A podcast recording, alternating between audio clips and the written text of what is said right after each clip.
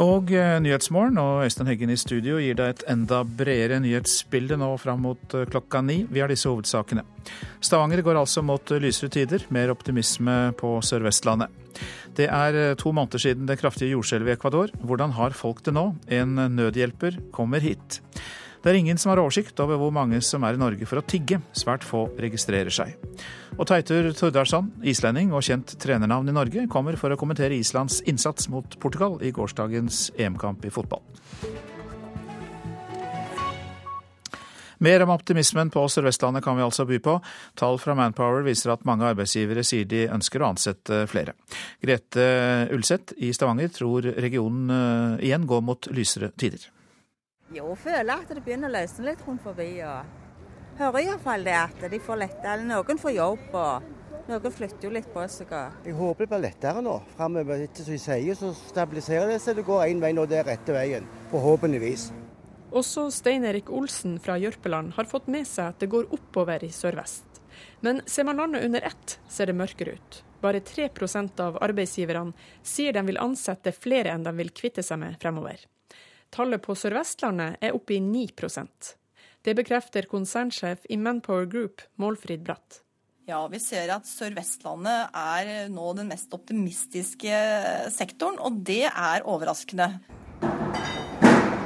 I Stavanger sentrum monteres tribuner til verdenscupen i strandvolleyball, som etter hvert har blitt en tradisjon i oljebyen. Det er ikke bare oljeansatte i Stavanger som har fått oppsigelsesbrev i posten. Stein Erik Olsen opplevde at arbeidsplassen hans gikk konkurs. Jeg kommer selv fra Jørpeland, jeg ble arbeidsledig på stålverket på Jørpeland. Ble konkurs. og Jeg er snart 61 år, så jeg prøver så godt jeg kan, men det er vanskelig i den alderen. Og han unner ingen å gå ledig.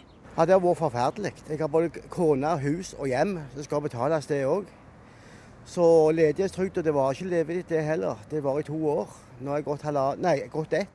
I Manpower sin undersøkelse er 59 000 arbeidsgivere fra 43 land spurt. Norge ligger bak bl.a. Sverige, Storbritannia og Tyskland, forteller Bratt. Sett i et historisk perspektiv så ligger Norge veldig langt nede på listen over optimisme. Vi ser at det er bare nabolandet vårt Sverige, der er det vesentlig høyere optimisme å spore enn det vi ser i Norge om dagen. Men nå kommer optimismen til Norge, spesielt innen noen næringer. Går vi over på, på, bransjer, så er det nå primærnæringene som er den mest optimistiske eh, næringen vi ser, sammen med bygg og anlegg. Vi har nettopp ansatt fem vikarer, så det går framover. Og hvem er med? Columbus. Er det det, ja? Ja, ja, ja. ja. Og Olsen har ikke gitt opp håpet om å kunne gå på jobb igjen.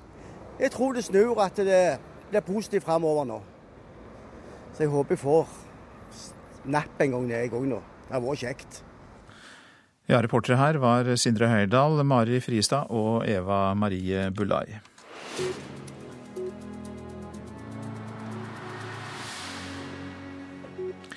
I disse dager er det to måneder siden jordskjelvet i Ecuador, der 661 mennesker mistet livet. Og nødhjelpskoordinator i den katolske hjelpeorganisasjonen Caritas, Marit Sørheim, velkommen hit. Takk for det. Du eh, kom hjem fra Ecuador i går. Kan du beskrive jordskjelvområdet slik det er nå? Ja, det er fortsatt en, eh, en, komplisert humanitær situasjon. Det er minst 78 000 som har mistet hjemmene sine og bor eh, enten i telt, i leirer eller hos familie i en nokså prekær situasjon. Eh, dette er i utgangspunktet en fattig del av Ecuador, og mange har òg mistet levebrødet sitt i jordskjelvet eh, og trenger hjelp for å komme økonomisk på fote igjen. Eh, det er òg fortsatt behov for humanitær hjelp som mat, hygieneartikler osv. Eh, og selv om livet så smått begynner å vende tilbake til normalen, så er det klart det er mange som er preget av det de har vært gjennom, og, og frykter nye etterskjelv. Hva gjør du når du er koordinator? Eh, da bistår jeg våre lokale partnere i å starte opp eh, og gjennomføre humanitær assistanse. Ja. Ja, og Hva går det ut på? Er det de aller enkleste ting som trengs? Ja, vi, vår eh, lokale partner Caritas i Ecuador de eh, deler nå ut eh, mat- og hygieneartikler til 20 000 mennesker. I tillegg så bidrar de med psykiatrisk hjelp, psyko psykososial støtte. og så bistår vi de som har mistet sine små familiebedrifter osv. med å starte opp igjen og komme på fot igjen økonomisk. Hvordan takler myndighetene Ecuador, Ecuador dette her? Det, det, er en del ting som, som får positiv omtale. Blant annet så har eh, strømforsyning, vann, eh, veier osv. har blitt raskt reparert. Militæret får òg veldig mye positiv omtale for rask reaksjon og bistand med å sette opp leirer osv.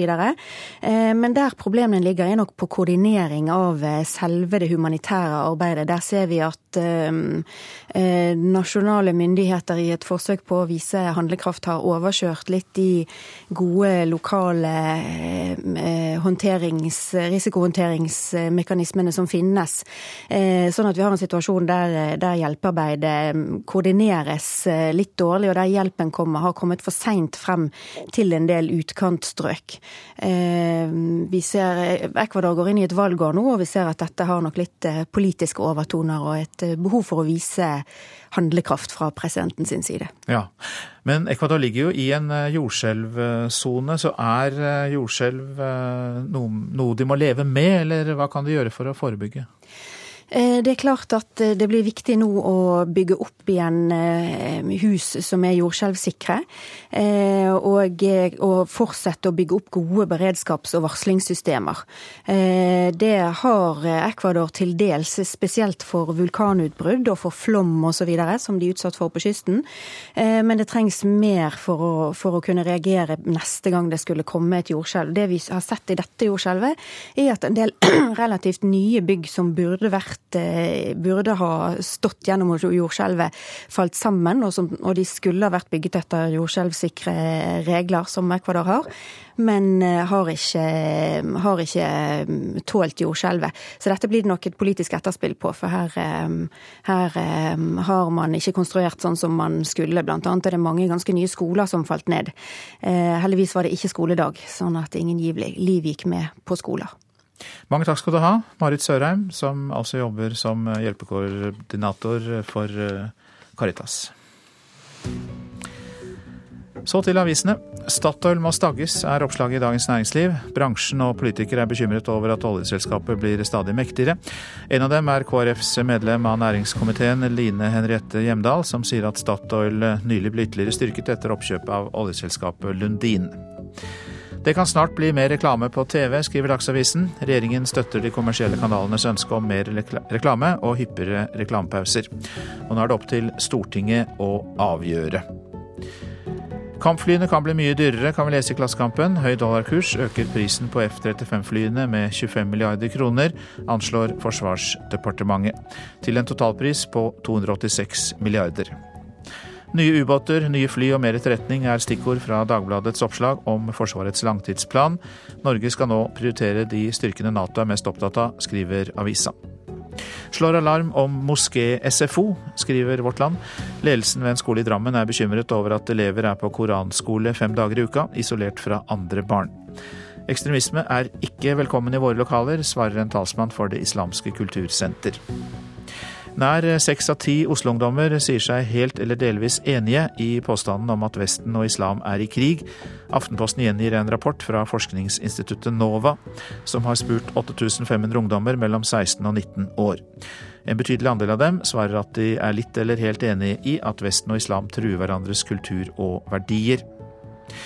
Integrering er vanskelig i et land der folk ikke snakker med hverandre på bussen. Det sier KrFs nye generalsekretær Hilde Frafjord Jonsson til avisa Dagen. Vi må fortelle dem som kommer hvor rare vi faktisk er, sier hun. Tre bilvrak i Kristiansand sentrum førte til at politiet rykket ut, men så viste det seg å være kunst, kan vi lese i Fedrelandsvennen.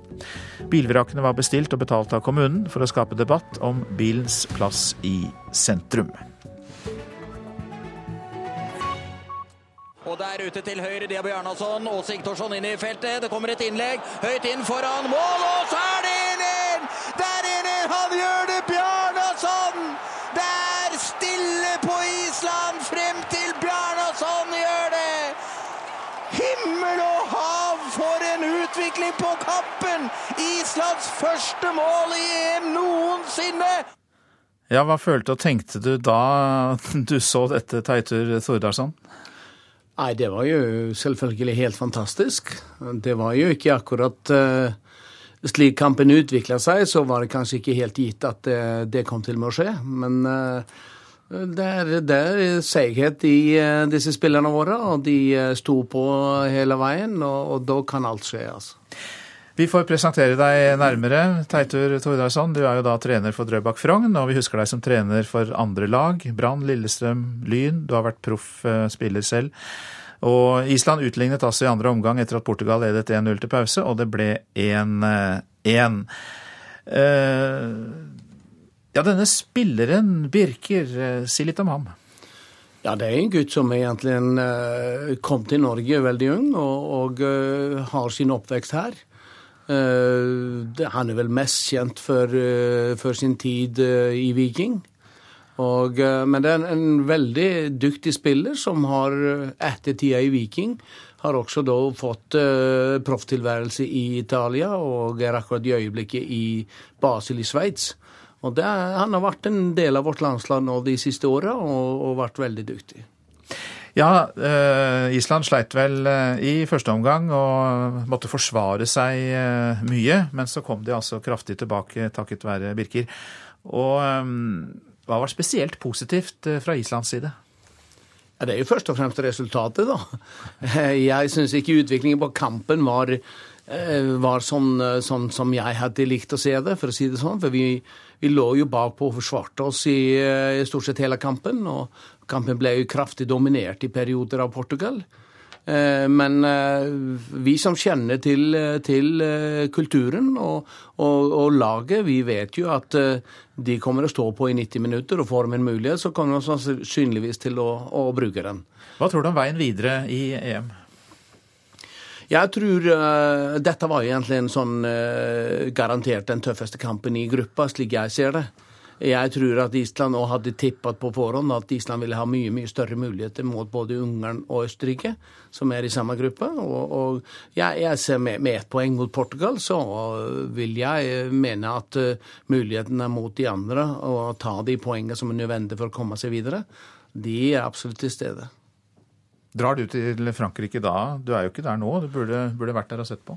Uh, nei, dessverre. Jeg, jeg, jeg, trener jo en toppklubb, jo. Så uh, når vi holder til i breddefotballen, så, så uh, går jo seriespillet her i Norge helt fram til slutten av juni. Og ferie og sånt kommer ikke før ut i juli måned.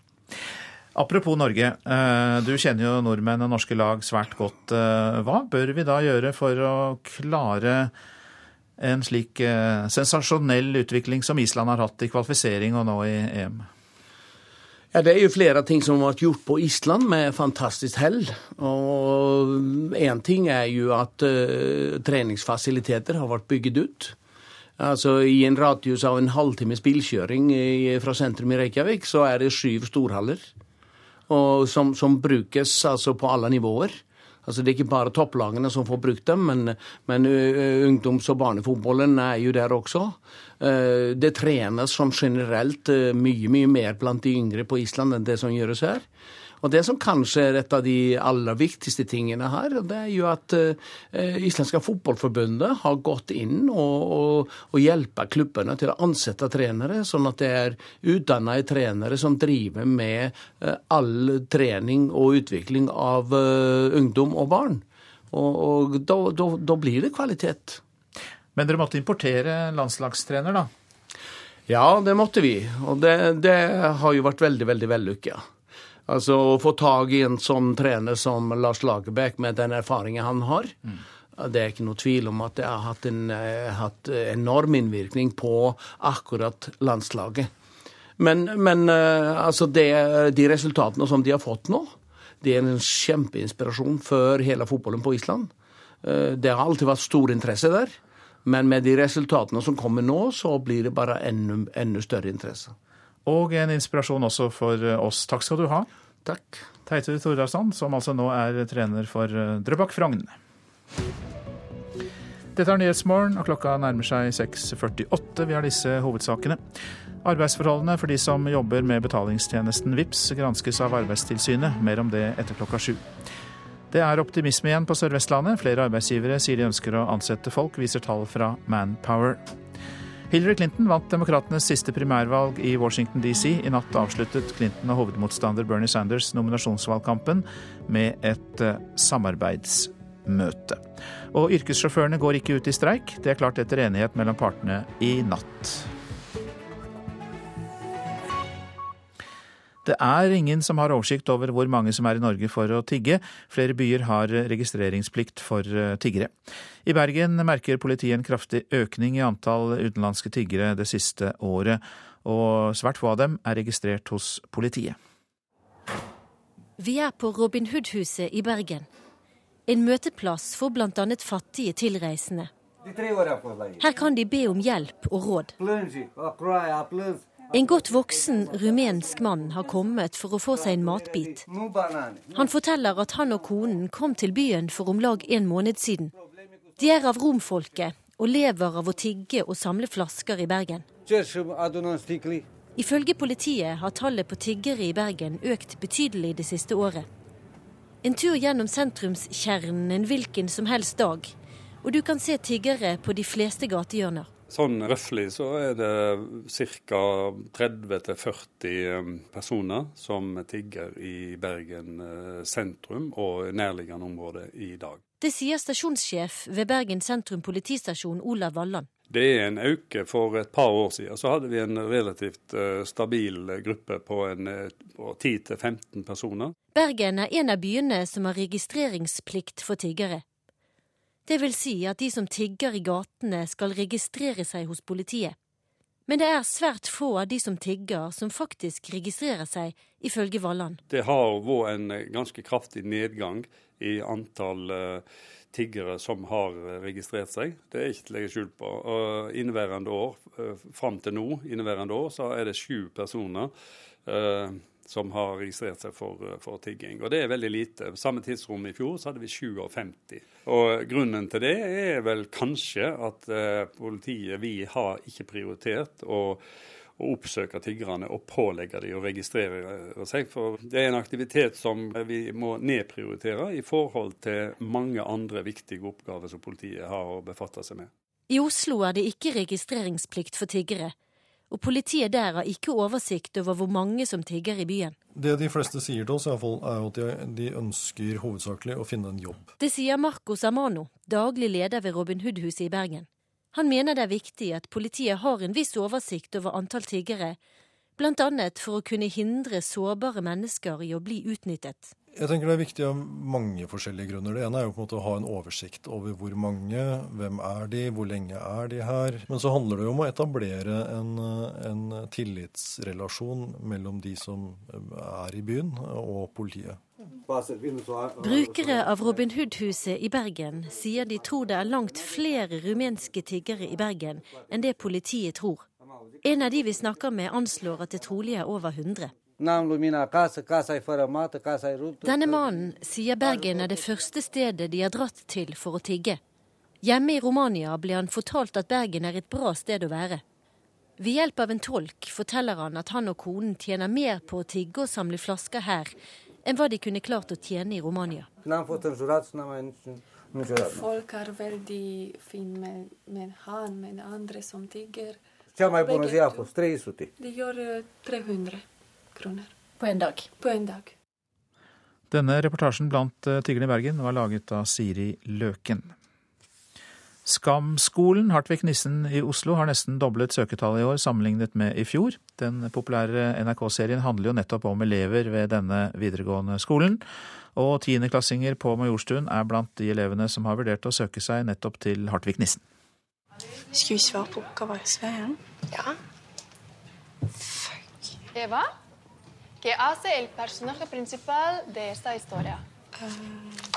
De her stemmene begynner du kanskje å bli vel kjent med nå. Jeg sa, jeg så ikke at vi hadde sex. Jeg sa bare at, at han eh, fingret meg litt i baksetet på taxien. Vi vi hadde ikke sex. Nei, men... William er på skolen. Han er ikke på kontorbygget ved rektor. Rundt 200 000 seere har fulgt førsteklassingene ved Hartvik Nissen, Nora Chris, Sana, Eva og Vilde i ungdomsserien Skam de siste ni månedene. Serien er så populær at det ikke bare er NRK som kan feire. Ja, Det er alltid gledelig med økning i søkertallene. Sier rektor ved Hartvik Nissen, Hanna Norum Eliassen. Sammenligna med i fjor har nesten dobbelt så mange tiendeklassinger søkt seg til studiespesialisering og dramalinja på skolen i år. Og det er det en spesiell grunn til, ifølge rektoren. Vi tror at det kanskje kan ha litt sammenheng med at Skam har vært, oss, vært med og satt oss på agendaen for mange elever. Det er altså den kjempestore interessen som serien har skapt blant nettopp ungdomsskoleelever som straks skal velge skole, eller da som valgte nå rett før 1.3, så tror vi at det altså Fra vi kanskje levde en litt anonym tilværelse, så er det flere som har hørt om oss. Hun understreker at eh, søkertallet varierer fra år til år. Likevel, mot 50 søkere på studiespesialisering i fjor, var tallet 90 i år. For drama søkt 60 i fjor og 90 i år. Jeg tror mange gjør det bare fordi eller de har lyst til å bli en del av Skam og den suksessen det har vært. Tiendeklassingene ved Majorstua skole har ikke latt seg inspirere av Skam når de har søkt på videregående, men kjenner elever på andre skoler som har gjort nettopp det. Det er liksom folk fra Marienlyst og på KG, så er det folk som har søkt på Nissen pga. Skam. Hvis de sier at de går på Hartvig Nissen, da, så tenker folk at ja, det er den skolen som er på Skam. Så da kan det høre litt sånn Kjendisskole, på en måte? Ja. Men ehm, ja, det, skam gjorde ikke at jeg ville gå der mer. Vi vil jo kanskje ikke anbefale elever å søke en skole ene og alene pga. at de har sett den på en eh, TV-serie. Sier påtroppende leder i Elevorganisasjonen Silvia Lind. Hun tror likevel ikke det er fare på ferde for de elevene som har latt seg inspirere av Skam. Jeg tror jo at eh, Hartvig Nissen også har eh, ganske bra faglige tilbud, så jeg tror ikke de trenger å være bekymra. Reportasjen fra Hartvig Nissen skole var laget av Marit Gjelland. Kulturturisme skal trekke flere utlendinger eh, til Norge på ferie. Innovasjon Norge mener kulturnæringen har mulighet til å få Norge ut av oljeskyggen. Det er flott, svarer kulturlivet, men da må kulturen høyere opp på salgsplakatene came to Norway because um, the pictures of the country were just so breathtakingly beautiful. Cruiseturistene som har lagt til kai i Stavanger er ikke i tvil. Naturen har lokka dem til Norge. Men nå skal det satses på kulturturister. For dem legger igjen mer penger. Ja, det er en turist som flyr inn, eh, som bor på hotell og bruker mer penger og blir bitte litt lenger. Sier Audun Pettersen i Innovasjon Norge. I Drømmeløftet 2016 peker Innovasjon Norge på hvilke næringer det må satses på for å klare omstillinga etter oljekrisa. Koblinga kreativ næring og reiseliv er ett av satsingsområdene. Vi må gi gass, og da må vi gi gass på noen områder vi faktisk har et potensial internasjonalt. Og det har vi på kultur? Vi mener det. Deres tall viser at 42% av alle utenlandske turister som kom til Norge i 2014, var kulturturister. Men det kan bli flere. Da må man flytte kultur opp og fram på plakaten, også i kommunikasjonen i markedet. Svarer Marit Lien. Hun er sjef for Per Gynt-spelet ved Gålåvatnet. Jeg heter Solveig. Hva heter du? De snakker mye om at eh, kulturisten er noe de skal satse på, men i markedskommunikasjonen deres så er det jo primært eh, fjord og fjell og nordlys og midnattssol og aktiv ferie som eh, fremdeles Ja, kanskje det som er mest synlig. Jeg er Dovrekongens datter. Er du det? Se, se, det treffer jo godt. Per Gynt gjør likevel det Innovasjon Norge etterspør tør å tenke kommersialisering i samarbeid med reiselivet. Det myldrer jo innenfor norsk eh, kulturliv, som vil si at her er det faktisk mulig å kunne lage kommersielle produkter. Presenteres, pakkes og selges. Det kan eh, bli veldig stort. Det er jo litt opp til oss sjøl hvor flinke vi er å finne attraktive ting som vi vil vise dem. I Stavanger står daglig leder i Guidekompaniet, Wenche Hansen, klar til å ta imot cruiseturister. Natur vil fortsatt være viktig, mener hun, men Men det kommer. Absolutt kommer det. Så hadde jeg personlig en lang samtale med en amerikaner som var om bord, som kom på dette cruiset fordi han var historiker, og han eh, var, hadde spesialisert seg på Henrik Ibsen. Og han ville se Henrik Ibsen sitt hjemland. Som er over! Ibsen burde allerede ha stått høyere på salgsplakaten av Norge i utlandet, svarer Lien. F.eks. det kinesiske markedet, da hvor Henrik Ibsen er eh, den største dramatikeren på det kinesiske markedet. Eh, at de ikke bruker det mer aktivt, det, det forstår jeg bare ikke. Det er en kritikk Pettersen tar. Vi sammen med norsk reiseliv ikke vært flinke nok til å dra kulturen med oss i, i merkevarebyggingen av Norge som reisemål. Audun Pettersen i Innovasjon Norge til slutt, og reporter var Torunn Myhre. Værvarselet. Østafjells først. Skyet vær og regn vil bre seg nordover i løpet av dagen. Mest nedbør blir det på Sørlandet. Vestlandet sør for Stad får mest oppholdsvær, men det blir litt regn eh, i fjordstrøkene og i Rogaland. Trøndelag og Møre og Romsdal. Dagen starter med sol, men ettermiddagsbyger vil dannes i indre strøk, og kanskje med torden i Trøndelag. På kysten nordøstlig liten kuling, stiv kuling ved Stad. Nordland fortsatt noen byger nord for Vestfjorden tidlig på dagen, og enkelte ettermiddagsbyger i indre strøk i sør. I ettermiddag øker vinden til nordlig liten kuling på kysten. Troms og Finnmark får minkende vind og nedbør i dag, men det vil fortsatt blåse vestlig kuling på Finnmarkskysten først på dagen. Øst i Finnmark blir det etter hvert ganske fint eh, vær i dag. Spitsbergen østlig kuling utsatte steder og litt regn. Så tar vi med oss temperaturene, og disse ble da målt klokka fem i natt. Svalbard lufthavn fem, Kirkenes og Varde begge sju, Alta åtte, Tromsø-Langnes sju. Bodø 6, Brønnøysund 7, Trondheim-Værnes 8, Molde 9, Bergen-Flesland 14. Stavanger 13, og det samme i Kristiansand-Kjevik 13 grader. Gardermoen 11, Lillehammer 9, Røros 4 og Oslo-Blindern var oppe i 16 grader, som var det varmeste på denne målingen for to timer siden.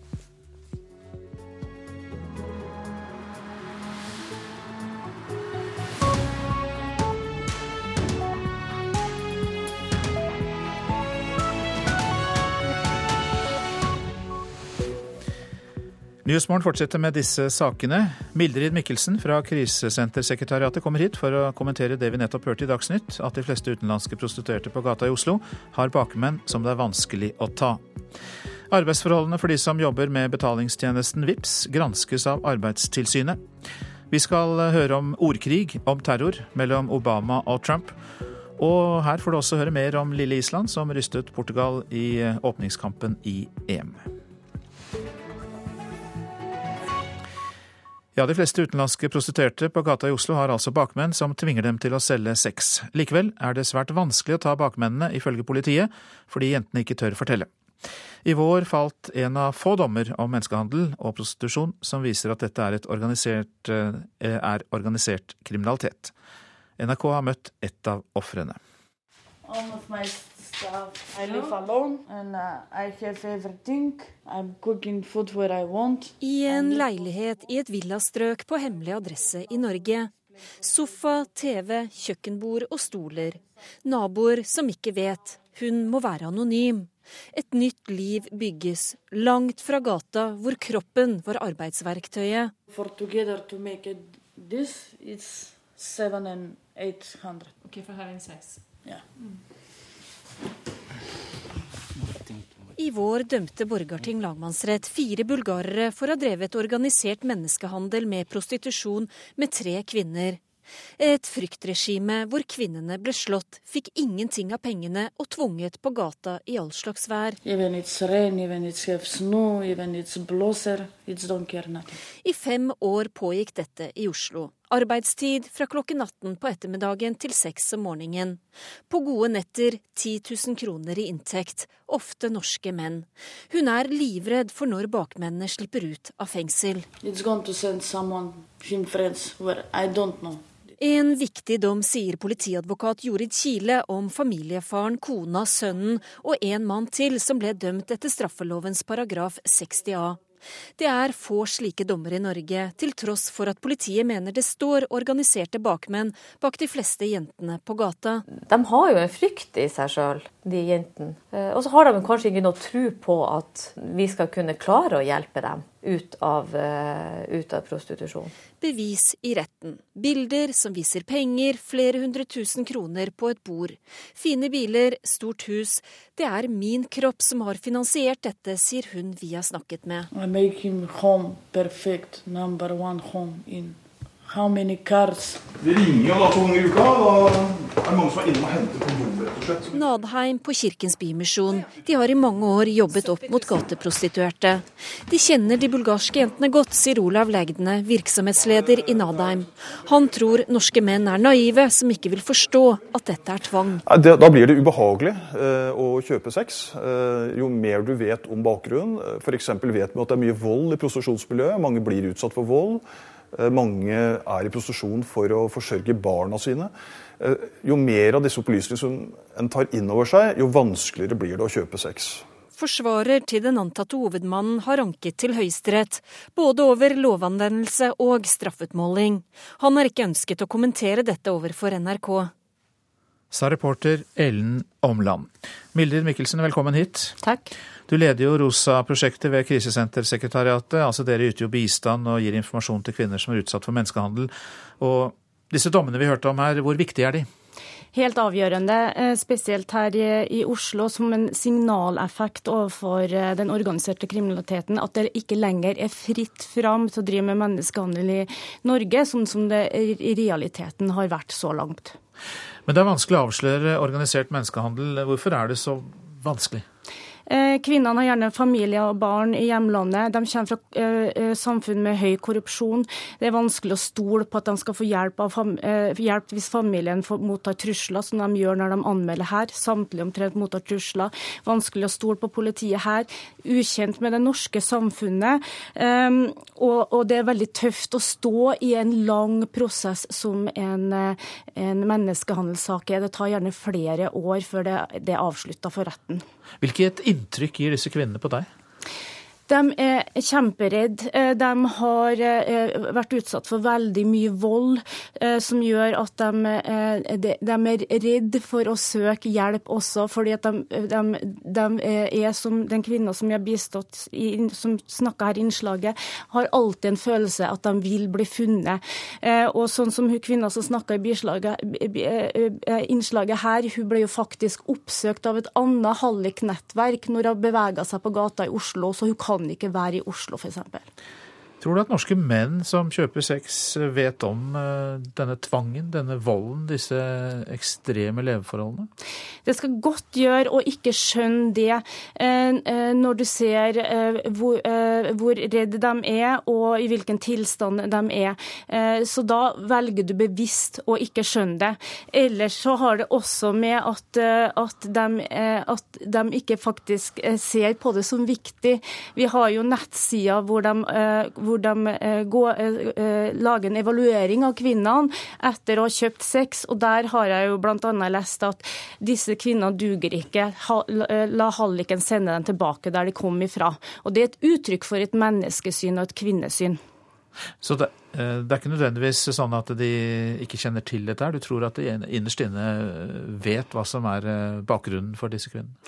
Helt klart. Det er en såpass kjent problematikk at mange av de utenlandske er styrt av organisert kriminalitet. Hvordan bør samfunnet forholde seg til dette videre? Eh, gi eh, eh, kvinnene hjelp og, og, og større oppfølging. Bedre botilbud. Hjelp også etter at de har fått opphold i landet, fordi at det er vanskelig å, vanskelig å skape seg et nytt liv. Og ikke minst gi flere opphold. Takk skal du ha, Mildrid Mikkelsen, som altså er leder for ROSA-prosjektet ved Krisesentersekretariatet, som da hjelper disse kvinnene. Nå om kritikk av arbeidsforholdene for de som jobber med VIPS. Det er den digitale betalingstjenesten for smarttelefoner. Arbeidstilsynet vil nemlig granske forholdene for DNBs indiske VIPS-arbeidere. Et LO-forbund har varslet om svært lange arbeidsdager for de som jobber i bankens hovedkontor i Bjørvika i eh, Oslo. Disse indiske IT-konsulentene er ansatt av DNBs underleverandører i India. Excuse me, can I ask Utenfor DNB-bygget i Bjørvika møter NRK indere som tar seg en røykpause. De bekrefter at de er her midlertidig for å jobbe med betalingsappen VIPS, men vil ikke la seg intervjue. Deres arbeidsgiver er DNBs indiske underleverandør Tata Consultancy Services, som i disse dager granskes av Arbeidstilsynet. Hvis de opplysningene som fremkom i dette tipset her om daglig arbeidstid på 14-16 timer sju dager i uka, hvis de er for riktighet, så er det helt klart et lovbrudd. Sier Jan Olav Andersen, leder i LO-forbundet L og IT. Det er de som har varslet Arbeidstilsynet om systematisk bruk av svært lange arbeidsdager for de indiske VIPS-arbeiderne. Andersen sier kildene fremstår som svært troverdige. Også hvis det er for riktighet, så er det jo en form for grov sosial dumping. Nå vet vi ingenting om lønn i disse forholdene, her, men, men arbeidstid er et viktig element å drive sosial dumping på. NRK har vært i kontakt med to ulike kilder som har jobbet tett på VIPS i DNB de siste månedene. De forteller den samme historien, at inderne er på jobb store deler av døgnet. Det er ikke det samme å, å se på når folk går inn og ut av bygget, som når folk faktisk er på jobb. Sier Even Westerveld, informasjonsdirektør i DNB. Nei, Det tipset som NRK nå formidler, det har vi nå tatt opp med vår leverandør og bedt om en redegjørelse fra dem på. Hvordan er det dere kan finne ut av det? Kan ikke dere bare sjekke adgangskortene når de går ut og inn f.eks.? Ja, Hvis det hadde vært så enkelt, men uh, her må vi forholde oss uh, profesjonelt til vår leverandør. Uh, og det at folk sitter lenge på jobben, er ikke nødvendigvis det samme som at de har arbeidstimer. dette er folk som også har et sosialt liv med venner fra India, hvor de kanskje spiser middag etter jobben osv. Men dere kan vel gå inn i sånn dataloggen og sjekke hvorvidt de har jobbet eller ikke? Det kan dere sjekke? Ja, det, vi forholder oss til vår leverandør, og de, de, er samarbeidsvillige på dette. Men dere sjekker ikke logger selv, altså? Ja, vårt ansvar er å følge opp leverandørene våre. I Finland sitter ledelsen for den skandinaviske delen av underleverandøren TCS. Markeds- og kommunikasjonsdirektør Jiremiko Oranen avviser at de bryter norsk lov. If there is overtime, we follow Norwegian practices. Oranen sier alle som jobber overtid, gjør dette i henhold til norsk lov og norsk praksis. Globally respected employer and we pride ourselves on doing business with integrity and honesty. Varslersaken tas alvorlig, sier Arbeidstilsynets regiondirektør i Oslo, Ørnulf Halmrast, som nå vil granske påstandene. Det må jo vi da undersøke hvorvidt disse påstandene er riktige eller ikke. Men hvis det kommer da utenlandske IT-arbeidere hit øh, og jobber under, under, disse forholdene, hvorfor er det så farlig?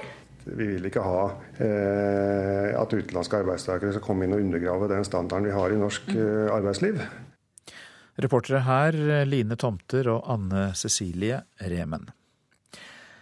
Ja, vi har hørt at lille Island rystet Portugal i deres åpningskamp i fotball-EM i Frankrike. Aldri før har islendingene vært i et mesterskap, og rundt 10% av landets befolkning var på tribunene da Birker Bjarnarsson utlignet til 1-1 mot fotballstormakten Portugal i Saint Etienne.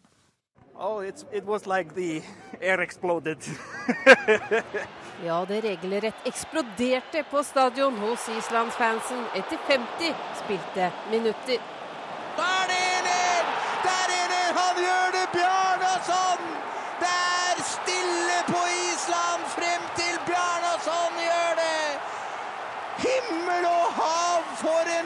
Utvikling på kappen! Everybody was screaming. It was, it was a happy moment. Island imponerte i EM-kvalifiseringen og vant sin gruppe. For første gang tok de seg til et mesterskap, og selv om drømmene var store, hadde få forventet en slik start på EM mot fotballstormakten Portugal. Det startet ikke uventet med en av Portugals verdensstjerner. Innlegg inn foran mål, og det er 1-0! Nani gjør 1-0 for Portugal, det måtte bare komme. Og selv om Birger Bjarnason skrev et lite EM-eventyr med sin utligning, må også Bodø-Glimt-keeper Hannes Haldorsson få litt av æren. Og kjemperedning av keeper på én meter! For en redning av Hannes Haldorsson! Haldorsson hadde flere gode redninger som holdt lille Island inne i kampen. For Islands supportere på tribunen, som for første gang så laget sitt spille et mesterskap og klare 1-1 mot Portugal, var gleden enorm. The stadium when they scored the equalizer, the floor was shaking. Everyone was, scre everyone was screaming so high. Så blir det spennende å se om Island tar seg videre i mesterskapet. Susann Mikkelsen var reporter her. Dette er Nyhetsmorgen. Klokka passerte nettopp kvart over sju. Og vi har disse hovedsakene. De fleste utenlandske prostituerte på gata i Oslo har bakmenn som tvinger dem til å selge sex. Allikevel er det svært vanskelig å ta bakmennene, ifølge politiet, for jentene tør ikke fortelle. Arbeidsforholdene for de som jobber med betalingstjenesten VIPS granskes av Arbeidstilsynet. Et LO-forbund har varslet om svært lange arbeidsdager for indiske IT-arbeidere ved DNBs kontor i Oslo. Hillary Clinton vant demokratenes siste primærvalg i Washington DC. I natt avsluttet Clinton og hovedmotstander Bernie Sanders nominasjonsvalgkampen med et samarbeidsmøte. Og Vi fortsetter i USA. I går kveld eh, slo Donald Trump tilbake mot president Barack Obamas forsøk på å sette ham på plass. USAs president sa tidligere i går at de ikke vil endre noe og kalle terrorangrepet mot amerikanere islamsk terror, slik Trump vil. Dermed var det klart for en ny runde i striden eh, som dreier seg om langt mer enn ord. And I watched President Obama today, and he was more angry at me than he was at the shooter. Jeg så på president Obama i dag. Han var mer sint på meg enn på drapsmannen, sa republikanernes presidentkandidat med henvisning til gjerningsmannen bak helgens massakre i Orlando. Trump talte til et valgkampmøte i Nord-Carolina. Once again, we've seen that political Enda en gang har vi sett at politisk korrekthet er dødelig. De vil ikke snakke om problemet, sa Trump, og gjorde indirekte både Obama og Hillary Clinton medansvarlige for terroren. Det hele startet mandag, da Trump antydet i et intervju at Obama har skjulte motiver for ikke å kalle terrorister med muslimsk bakgrunn for islamske terrorister. Det fikk Obama på banen. We now have proposals from the presumptive Republican nominee for president of the United States. Nå har vi disse forslagene fra den antagelige republikanske presidentkandidaten om å forby muslimer å komme som innvandrere til Amerika. Også dette språket som blinker ut innvandrere og antyder at hele religiøse samfunn er medskyldig i vold. Hvor skal dette ende, sa Obama. Men blant Trumps velgere har den islamfiendtlige retorikken solid klangbunn, og terrorangrepet i Orlando har gitt ham en mulighet til å selge budskapet nok en gang. Det gjør det ikke enklere for lederne i det republikanske partiet. Spikeren i Representantenes hus, republikaneren Paul Ryan, sier nå at innreiseforbud for alle muslimer ikke er i nasjonens interesse. Det som trengs er sikkerhetstesting, ikke religionstesting, sa Ryan i går. Men Trump nekter å fire, og massakren i Orlando har gitt ham en anledning til å appellere til nye velgergrupper. We want to live in a country gay and lesbian Americans and all Americans are safe from radical vi vil leve i et land der homofile og lesbiske amerikanere, ja alle amerikanere, er beskyttet mot radikal islam, sa Trump.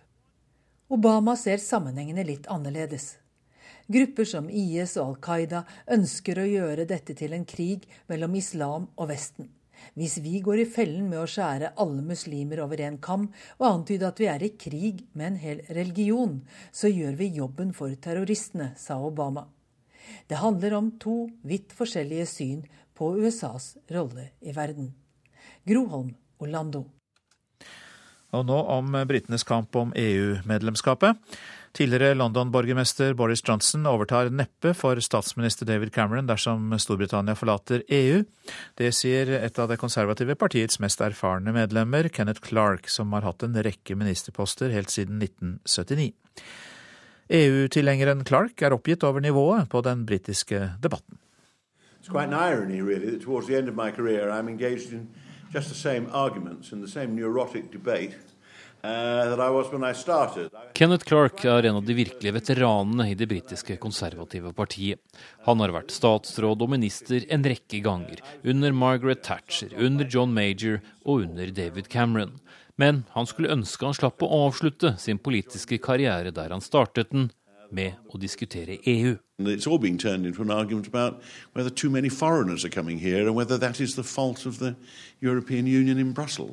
Overfor NRK er han oppgitt over nivået på EU-debatten, som for det meste handler om innvandring for tiden, og veldig lite om EU som sådan. Clark har alltid vært en sterk tilhenger av EU-medlemskap for Storbritannia, og sier statsminister David Cameron trolig kun utlyste en folkeavstemning i spørsmålet fordi han trodde han skulle vinne den, og dermed få slutt på den eviglange interne kampen om spørsmålet i partiet. Well, I think he thought he would win it very easily. Uh, right now, uh, he probably shares my doubts about the wisdom. Noe som langt fra er gitt nå lenger. Folket er tilsynelatende delt, og innad i det konservative partiet er de som vil bli, og de som vil ut, konstant i krig med hverandre. Og Cameron varer knapt i 30 sekunder som statsminister og partileder dersom det blir flertall for å forlate EU, tror Kenneth Clark. Men hvem skal da overta? Iallfall ikke mannen som alle snakker om, tror veteranen som har vært parlamentsmedlem i 46 år. Do you see Boris Johnson uh, as your next leader? No.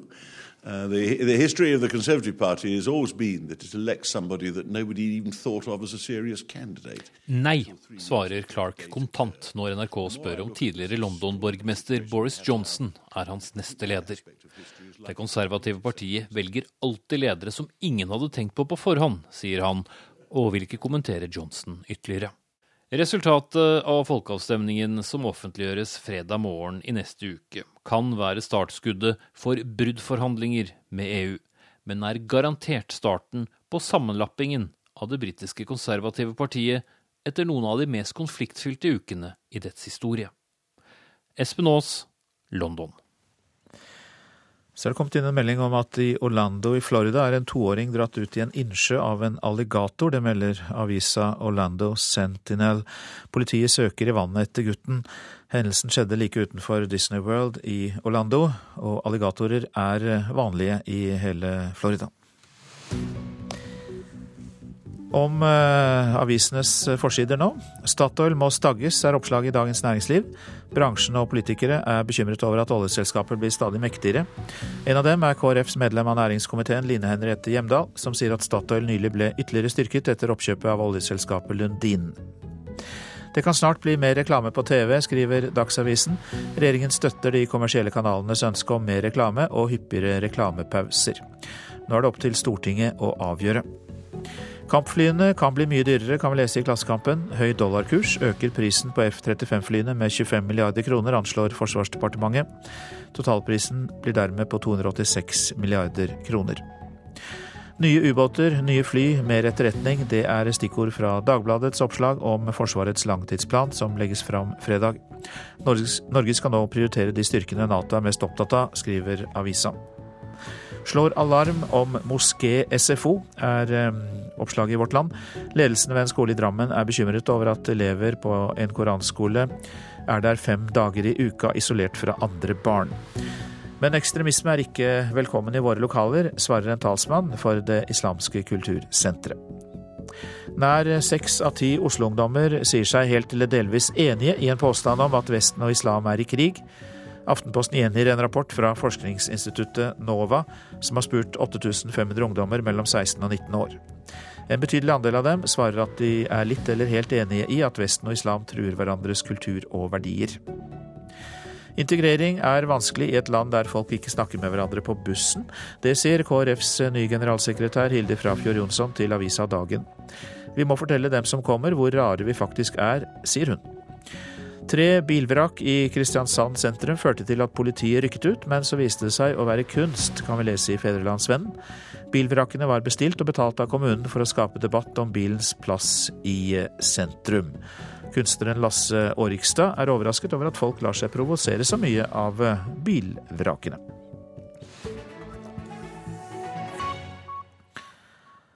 Over 5700 barn kom til Oslo legevakt for å få behandlet skader i fjor, viser en kartlegging legevakten og Helsedirektoratet har gjort.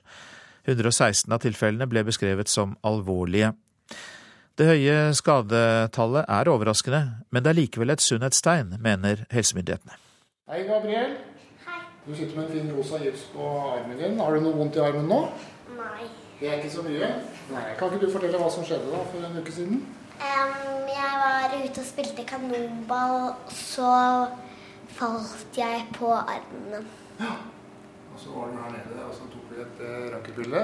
Ja. Og så viser det at det er en liten, liten brist i håndleddet ditt. Gabriel Bugge Abanto på ni år viser stolt fram en rosa gips på armen der klassevenninnene har skrevet navnene sine. Hun er tilbake på legevakten for kontroll av et brudd i høyre håndledd. Skaden er helt typisk for barn i barnehage og skole, viser en kartlegging som Oslo legevakt og Helsedirektoratet gjorde i fjor.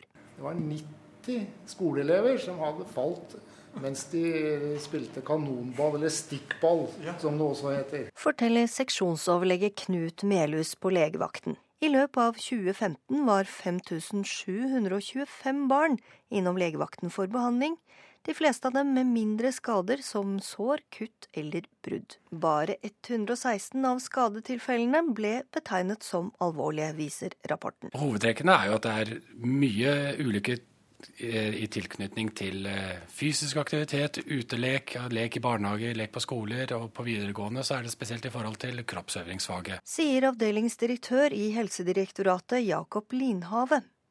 Han mener kartleggingen er viktig for å få vite mer om hvordan skader blant barn og unge kan forebygges. Så må vi jo si at vi er overrasket over at det er så mange ulykker. Altså 5725 ulykker totalt. Det, det var et større antall enn det Helsedirektoratet hadde regnet med. Men det som er positivt, er at det er veldig få alvorlige ulykker. Så hovedinntrykket er jo at vi har en sunn og glad barn og ungdom i Oslo som er i fysisk aktivitet og skader seg, og det er en del av hverdagen. Rapporten viser at flesteparten av ulykkene har skjedd mens barna var på skole eller i barnehage, ofte ute og i lek. Professor Gunnar Breivik fra Idrettshøgskolen sier skadene er et godt tegn. Hvis det ikke var skader i det hele tatt, så betyr det enten at folk sitter helt stille, eller barn sitter helt stille innendørs på flatt gulv og ser på TV eller spiller dataspill. Eller så gjør de aktiviteter hvor de er så mye kontrollert og har så mye sikkerhetsutstyr at de unngår alle mulige skader. Så jeg mener jo at lek som er utforskende, utfordrende og spennende, sånn som barn vil ha, det fører noen ganger til skader. Så skader, ja. Alvorlige skader og dødsfall, det må vi unngå. Men skader er et sunnhetstegn. Ifølge undersøkelsen synker tallet på skader kraftig i ferieukene. Men det er ikke fordi foreldre er flinkere til å passe på barna sine i ferietiden, sier Linhave i Helsedirektoratet. Nei, jeg tenker at det egentlig illustrerer noe vi vet veldig godt, at barn sitter utrolig mye stille utenom skolen. Altså, vi er, har en ungdomsgenerasjon som gjerne kunne være mer aktive. Så jeg tenker at heller en oppfordring til å få barna ut og leke, istedenfor å sitte inne og se på TV. Og en som gleder seg ekstra mye til sommerferien, er niåringen som snart blir kvitt gipsen. Da kan dere rett og slett bare ta en dags, og så kan dere klippe av den gipsen selv. Kan vi gjøre det selv om to uker? Ja, om to uker. Og så er du klar for bading og alt mulig. Ja, dette var ganske fint.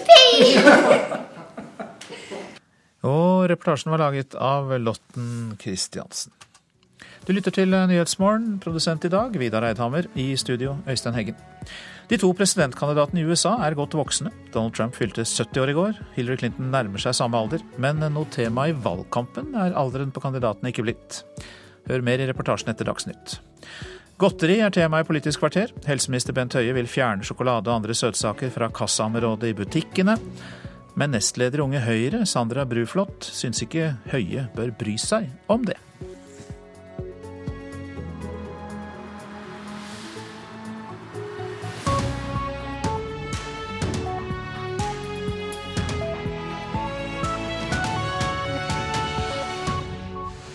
Mer om granskingen av arbeidsforholdene for de som jobber med betalingstjenesten VIPS får du her i Nyhetsmorgen.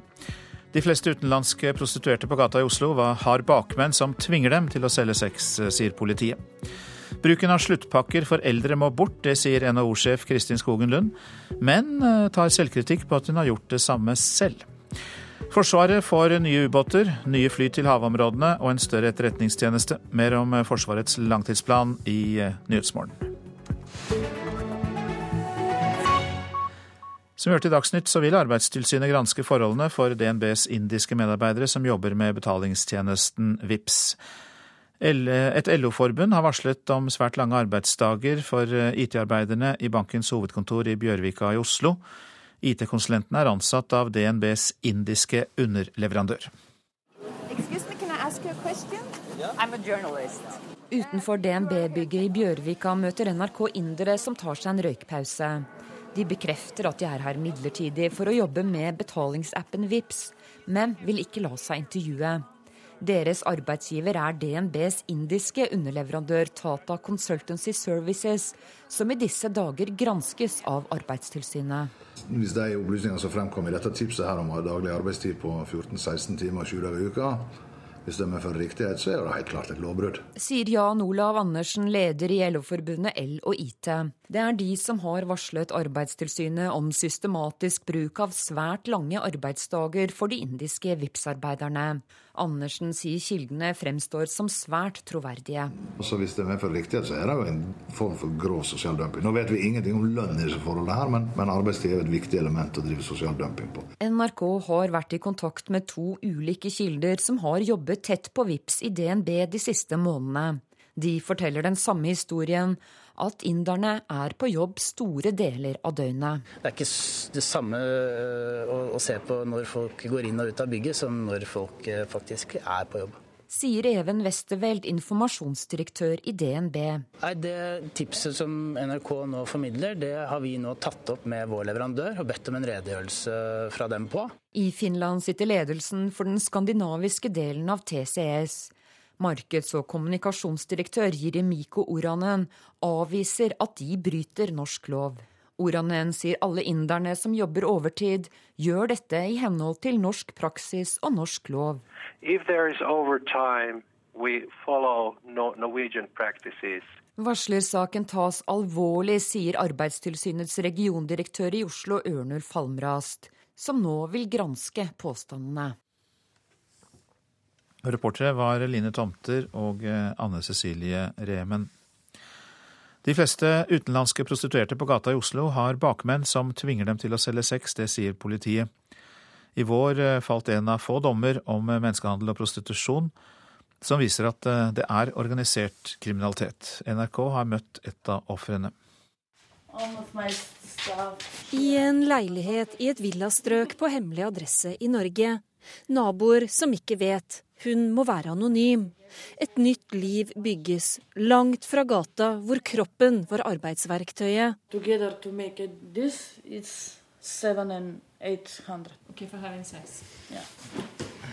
I vår dømte Borgarting lagmannsrett fire bulgarere for å ha drevet organisert menneskehandel med prostitusjon med tre kvinner. Et fryktregime hvor kvinnene ble slått, fikk ingenting av pengene og tvunget på gata i all slags vær. I fem år pågikk dette i Oslo. Arbeidstid fra klokken 18 på ettermiddagen til 6 om morgenen. På gode netter 10 000 kroner i inntekt, ofte norske menn. Hun er livredd for når bakmennene slipper ut av fengsel. It's going to send someone, him friends, where I don't know. En viktig dom sier politiadvokat Jorid Kile om familiefaren, kona, sønnen og en mann til som ble dømt etter straffelovens paragraf 60a. Det er få slike dommer i Norge, til tross for at politiet mener det står organiserte bakmenn bak de fleste jentene på gata. De har jo en frykt i seg sjøl, de jentene. Eh, og så har de kanskje ikke noe tro på at vi skal kunne klare å hjelpe dem ut av, eh, ut av prostitusjon bevis i retten. Bilder som viser penger, flere hundre tusen kroner på et bord. Fine biler, stort hus. Det er Min Kropp som har finansiert dette, sier hun vi har snakket med. Forsvarer til den antatte hovedmannen har anket til Høyesterett, både over lovanvendelse og straffutmåling. Han har ikke ønsket å kommentere dette overfor NRK. Sa reporter Ellen Omland. Å få domfelt disse bakmennene er svært viktig, sier Mildred Mikkelsen, som leder ROSA-prosjektet ved Krisesentersekretariatet. De yter bistand og informasjon til kvinner som er utsatt for menneskehandel. Helt avgjørende, eh, spesielt her i Oslo, som en signaleffekt overfor eh, den organiserte kriminaliteten, at det ikke lenger er fritt fram til å drive med menneskehandel i Norge, sånn som det i realiteten har vært så langt. Men det er vanskelig å avsløre organisert menneskehandel. Hvorfor er det så vanskelig? Eh, kvinnene har gjerne familie og barn i hjemlandet. De kommer fra eh, eh, samfunn med høy korrupsjon. Det er vanskelig å stole på at de skal få hjelp, fam hjelp hvis familien mottar trusler, som de gjør når de anmelder her. Samtlige omtrent mottar trusler. Vanskelig å stole på politiet her. Ukjent med det norske samfunnet. Og, og, det er veldig tøft å stå i en lang prosess som en, en menneskehandelssak er. Det tar gjerne flere år før det, det er avslutta for retten. Hvilket inntrykk gir disse kvinnene på deg? De er kjemperedde. Eh, de har eh, vært utsatt for veldig mye vold, eh, som gjør at de, de er redd for å søke hjelp også, fordi at de, de, de er som den kvinna som jeg har bistått, som snakka her i innslaget, har alltid en følelse at de vil bli funnet. Og sånn som hun kvinna som snakka i innslaget her, hun ble jo faktisk oppsøkt av et annet halliknettverk når hun bevega seg på gata i Oslo, så hun kan kan ikke være i Oslo, f.eks. Tror du at norske menn som kjøper sex, vet om eh, denne tvangen, denne volden, disse ekstreme leveforholdene? Det skal godt gjøre å ikke skjønne det eh, eh, når du ser hvor, hvor redd de er og i hvilken tilstand de er. Så da velger du bevisst å ikke skjønne det. Ellers så har det også med at, at, de, at de ikke faktisk ser på det som viktig. Vi har jo nettsider hvor de hvor de eh, går, eh, eh, lager en evaluering av kvinnene etter å ha kjøpt sex. og Der har jeg jo bl.a. lest at disse kvinnene duger ikke. La halliken sende dem tilbake der de kom ifra. Og Det er et uttrykk for et menneskesyn og et kvinnesyn. Så det, det, er ikke nødvendigvis sånn at de ikke kjenner til dette? Du tror at de innerst inne vet hva som er bakgrunnen for disse kvinnene? Helt klart. Det er en såpass kjent problematikk at mange av de utenlandske er styrt av organisert kriminalitet. Hvordan bør samfunnet forholde seg til dette videre? Eh, gi eh, eh, kvinnene hjelp og, og, og større oppfølging. Bedre botilbud. Hjelp også etter at de har fått opphold i landet, fordi at det er vanskelig å, vanskelig å skape seg et nytt liv. Og ikke minst gi flere opphold. Mildred Mikkelsen sa det, som er leder for ROSA-prosjektet ved Krisesentersekretariatet. Arbeidsgivere på Sør-Vestlandet er mer optimistiske nå enn på mange år. Flere av dem sier de ønsker å ansette flere medarbeidere, og det viser Manpowers arbeidsmarkedsbarometer for eh, juli, august og september. Stein Erik Olsen fra Jørpeland ser fram til lysere tider. Jeg håper det blir lettere nå framover. Etter som jeg sier, så stabiliserer det seg. Det går én vei nå, det er rette veien. Forhåpentligvis. Jeg tror det blir bedre. Kommer litt og litt. Også Grete Ulseth har fått med seg at det går oppover i sør-vest. Men ser man landet under ett, ser det mørkere ut. Bare 3% av arbeidsgiverne sier de vil ansette flere enn de vil kvitte seg med fremover. Tallet på Sør-Vestlandet er oppe i 9% Det bekrefter konsernsjef i Manpower Group, Målfrid Bratt. Ja, vi ser at Sør-Vestlandet er nå den mest optimistiske sektoren, og det er overraskende. Manpower har spurt 59 000 arbeidsgivere i 43 land. Norge ligger bak bl.a. Sverige, Storbritannia og Tyskland. Sett i et historisk perspektiv så ligger Norge veldig langt nede på listen over optimisme. Vi ser at det bare nabolandet vårt Sverige, der er det vesentlig høyere optimisme å spore enn det vi ser i Norge om dagen. Men nå er optimismen på vei tilbake, også i Norge. Går vi over på, på, bransjer, så er det nå primærnæringene som er den mest optimistiske eh, næringen vi ser, sammen med bygg og anlegg. Vi har nettopp ansatt fem vikarer, så det går framover. Og hvem er med? Columbus. Er det det, ja? ja, ja, ja. ja. ja. Reportere Eva Marie Bulai, Sindre Heyerdahl og Mari Friestad. Bruken av sluttpakker rettet direkte mot eldre må bort, det sier NHO-sjef Kristin Skogen Lund. Hun tar eh, selvkritikk på at hun, sammen med en rekke arbeidsgivere, kjøper eldre ut av arbeidslivet, samtidig som NHO jobber for at arbeidstakere skal stå lenger i jobben. Der er vi mange som har eh, syndet, om du kan kalle det det. Det blir ofte slik at nedskjæringer består av at man kjøper eldre ut av arbeidslivet. Nå tar Kristin Skogen Lund sjølkritikk på at hun på den ene sida ønsker at norske arbeidstakere skal stå lenger i jobb, men samtidig er med å kjøpe dem ut av arbeidslivet. Og Det syns jeg også er en ting vi må være ærlige på, og se eh, hvordan vi kanskje kan håndtere på en annen måte. Vil du gjøre det på en annen måte i framtida? Ja, nå skal jeg ærlig innrømme at Vi akkurat har hatt en runde med seniorpakker her på NHO, så jeg sitter i et ordentlig solid eh, glasshus her jeg snakker. Eh, men jeg mener jo at det er feil at man egentlig skal eh, kjøre den type omstillingsprosesser bare ved å målrette det mot én gruppe arbeidstakere. Det er i grunnen feil, men det blir ofte det virkemidlet man har som bedriftsleder. Men dette syns jeg vi må ha en bedre debatt og bedre ordninger på. Nå vil hun ta bort sluttpakker, og mener vi ikke må være redde for å tilby eldre omstilling på arbeidsplassen. Man tenker at, de, at eldre ikke er like omstillingsdyktige. Det er jo ikke nødvendigvis sant. Eh, men det er altså da viktig at man eh, også som arbeidstaker eh, er positiv, innser at ting forandrer seg hele tiden. Ingen av oss er utlært, og det vi lærte i går er kanskje ikke relevant i morgen. ikke sant? Så vi har en oppgave alle sammen med å henge med, og ikke minst være villig til å gå inn i ny læring, få skaffe oss nye erfaringer. NHO-sjef Kristin Skogenlund til reporter Bjørn Atle Gillestad. Dette er Nyhetsmorgen. Klokka er 8.45 der.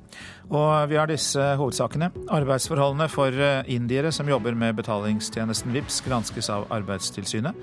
LO-forbundet LOIT har varslet om svært lange arbeidsdager for indiske IT-arbeidere ved DNBs kontor i Oslo.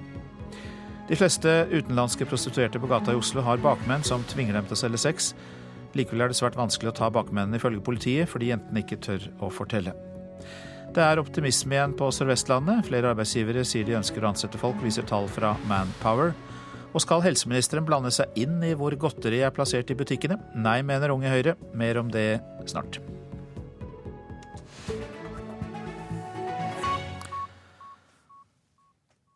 Først om Forsvarets langtidsplan.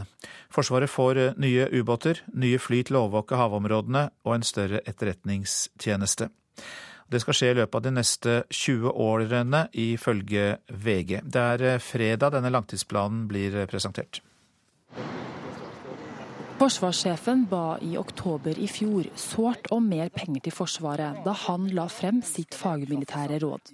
Og det kan se ut til at han får det som han vil. I den nye langtidsplanen for Forsvaret vil trolig forsvarsbudsjettet økes betydelig, med mellom 150 og 175 friske milliarder, melder VG i dag. Langtidsplanen presenteres først for offentligheten på fredag, men allerede i dag omtaler VG flere lekkasjer. I satsingen de neste 20 årene ligger det an til at Forsvaret får nye ubåter og nye overvåkningsfly, ifølge avisens opplysninger. I tillegg vil etterretningstjenesten styrkes. Men selv om budsjettet økes betraktelig, er det fortsatt ikke på nivå for å nå helt opp til Natos felles vedtatte mål om å bruke 2% av bruttonasjonalprodukt til forsvar. Likevel er flere av prioriteringene i Forsvarets nye langtidsplan de elementene som er mest etterspurt av Nato. Forsvarsdepartementet vil ikke kommentere VGs opplysninger. Reporter Oda Marie Midbø. KrF er bekymret over at Statoil har fått en for dominerende rolle, og ber nå Konkurransetilsynet komme på banen. KrFs representant i næringskomiteen, Line Henriette Hjemdal, ber også regjeringen ta opp saken. Jeg mener det er nødvendig nå at eh, myndighetene følger med på konkurransesituasjonen. KrF tok opp saken allerede i 2007, da Statoil kjøpte opp olje- og gassdivisjonen i Hydro. Da advarte Hjemdal om at selskapet ville få en for dominerende rolle. I dag sier hun. Statoil er en dominerende aktør på norsk sokkel med markedsandel på 70-80 og i praksis vil det da si at de er markedet. Da er det viktig at eh, de er seg bevisst sitt samfunnsansvar. Det er en sterk markedskonsentrasjon. og det, det, Om den er for sterk, det må nesten Konkurransetilsynet eh, ta en titt på. Det sier Gunnar Gundersen, andre nestleder i næringskomiteen fra regjeringspartiet Høyre. Han syns det er et interessant utspill fra KrF om å be Konkurransetilsynet se på saken. Om de ville forfølge en sånn sak, det vil være opp til de.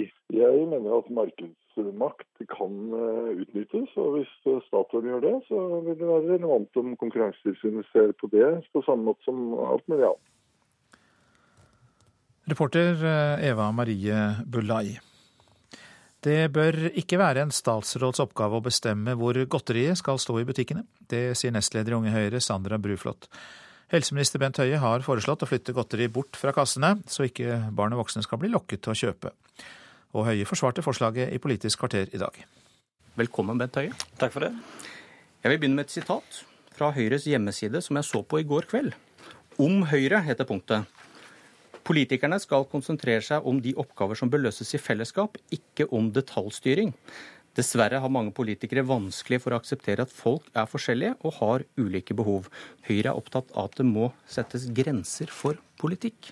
Sitat slutt. Et bud som vel brytes ettertrykkelig når du vil flytte godteri fra kassa i butikkene? Nei, for dette handler om de store oppgavene. Det er sånn at uh, det, hvis vi nå bare fortsetter som i dag, eh, så risikerer vi at den helsetjenesten som vi er veldig opptatt av å ta vare på, rett og slett vil bryte sammen. Klarer du å få det til å rime med det jeg nettopp leste opp? Ja, absolutt. fordi i motsetning, i, nei, i motsetning til en rød-grønn politikk, der de forsøkte seg på å lage forskrifter og reguleringer som fikk de absurde utslagene at det ble forbud mot Kinderegg, og at Lærum Saft ikke fikk lov til å sponse fotballaget i Sogndal, så har jeg etablert en samarbeidsgruppe med næringslivet der vi sier at vi har en felles interesse av at de ønsker å ta et samfunnsansvar. Jeg er opptatt av folkehelse, det er de òg. Hvis man skal tro det som står på hjemmesida deres, så burde det vært å opplyse folk om hvor mye sukker det er lurt å få i seg, og så la de ta valget selv. Nei, det... Ikke drive og flytte smågodt fra kassene. Nei, det mener jeg, da, da trekker vi oss for langt tilbake til det som er et stort samfunnsproblem. fordi det er bare å opplyse for det første så har det ikke god nok virkning, og for det andre så gir det òg et veldig sosialt skjevt utslag. Sandra Bruflot, nestleder i Unge Høyre. Hva syns du om at Høie ønsker at godteri flyttes? Eh, jeg syns forslaget er litt eh, merkelig. Og det er fordi Høyre har alltid ment at frihet til å velge også betyr at man skal ha frihet til å velge feil. Eh, og dessverre kan man også si, så, så, må det også gjelde foreldres rett til å velge det politikerne kan kalle feil på vegne av sine barn. Dette forslaget føyer seg på en måte nå inn i en rekke med stadig flere forslag til reguleringer, forskrifter osv. fra regjeringens side, som begrunnes i at man skal hjelpe folk til å velge det som er riktig. Hvor bør lakrispipene stå i butikken? Det er det butikkene som skal finne ut av. Intervjuer var Bjørn Myklebust. I går kveld slo Donald Trump tilbake mot president Barack Obamas forsøk på å sette ham på plass. USAs president sa tidligere at eh, det ikke vil endre noe å kalle terrorangrepet mot eh, amerikanere islamsk terror, slik Trump vil. Dermed var det klart for en ny runde i striden, som dreier seg om langt mer enn ord.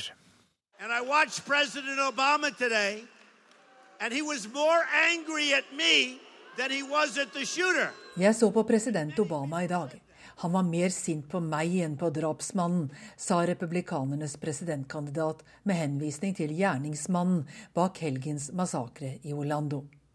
Trump talte til et valgkampmøte i Nord-Carolina.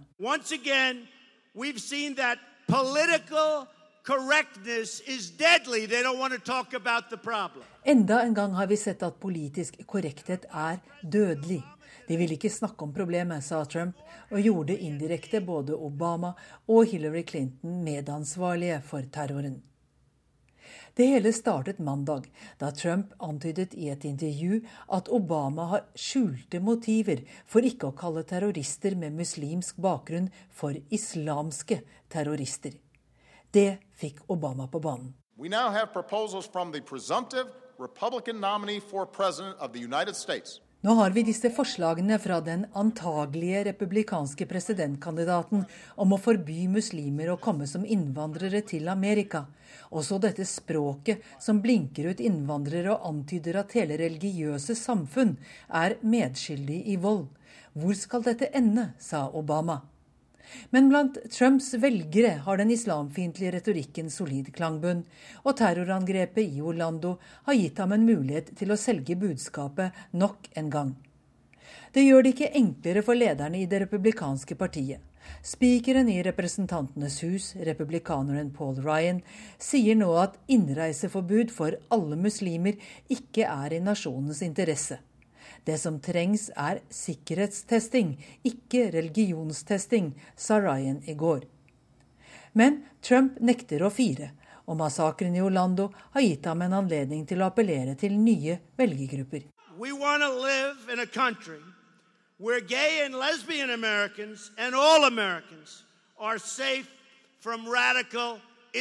Vi vil leve i et land der homofile og lesbiske amerikanere, ja alle amerikanere, er beskyttet mot radikal islam, sa Trump. Obama ser sammenhengene litt annerledes. Grupper som IS og Al Qaida ønsker å gjøre dette til en krig mellom islam og Vesten. Hvis vi går i fellen med å skjære alle muslimer over en kam og antyde at vi er i krig med en hel religion, så gjør vi jobben for terroristene, sa Obama. Det handler om to vidt forskjellige syn på USAs rolle i verden. Groholm, Orlando.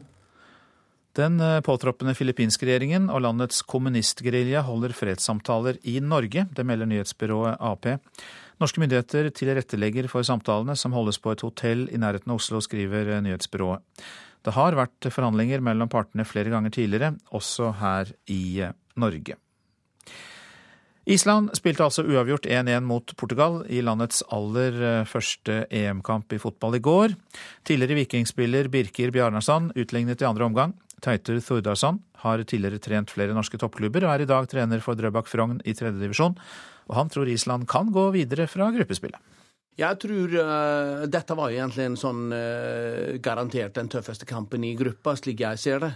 Jeg tror at Island òg hadde tippet på forhånd at Island ville ha mye mye større muligheter mot både Ungarn og Østerrike, som er i samme gruppe. Og, og jeg, jeg, ser med, med ett poeng mot Portugal, så vil jeg mene at muligheten mulighetene mot de andre, og ta de poengene som er nødvendige for å komme seg videre, de er absolutt til stede. Drar du til Frankrike da? Du er jo ikke der nå, du burde, burde vært der og sett på?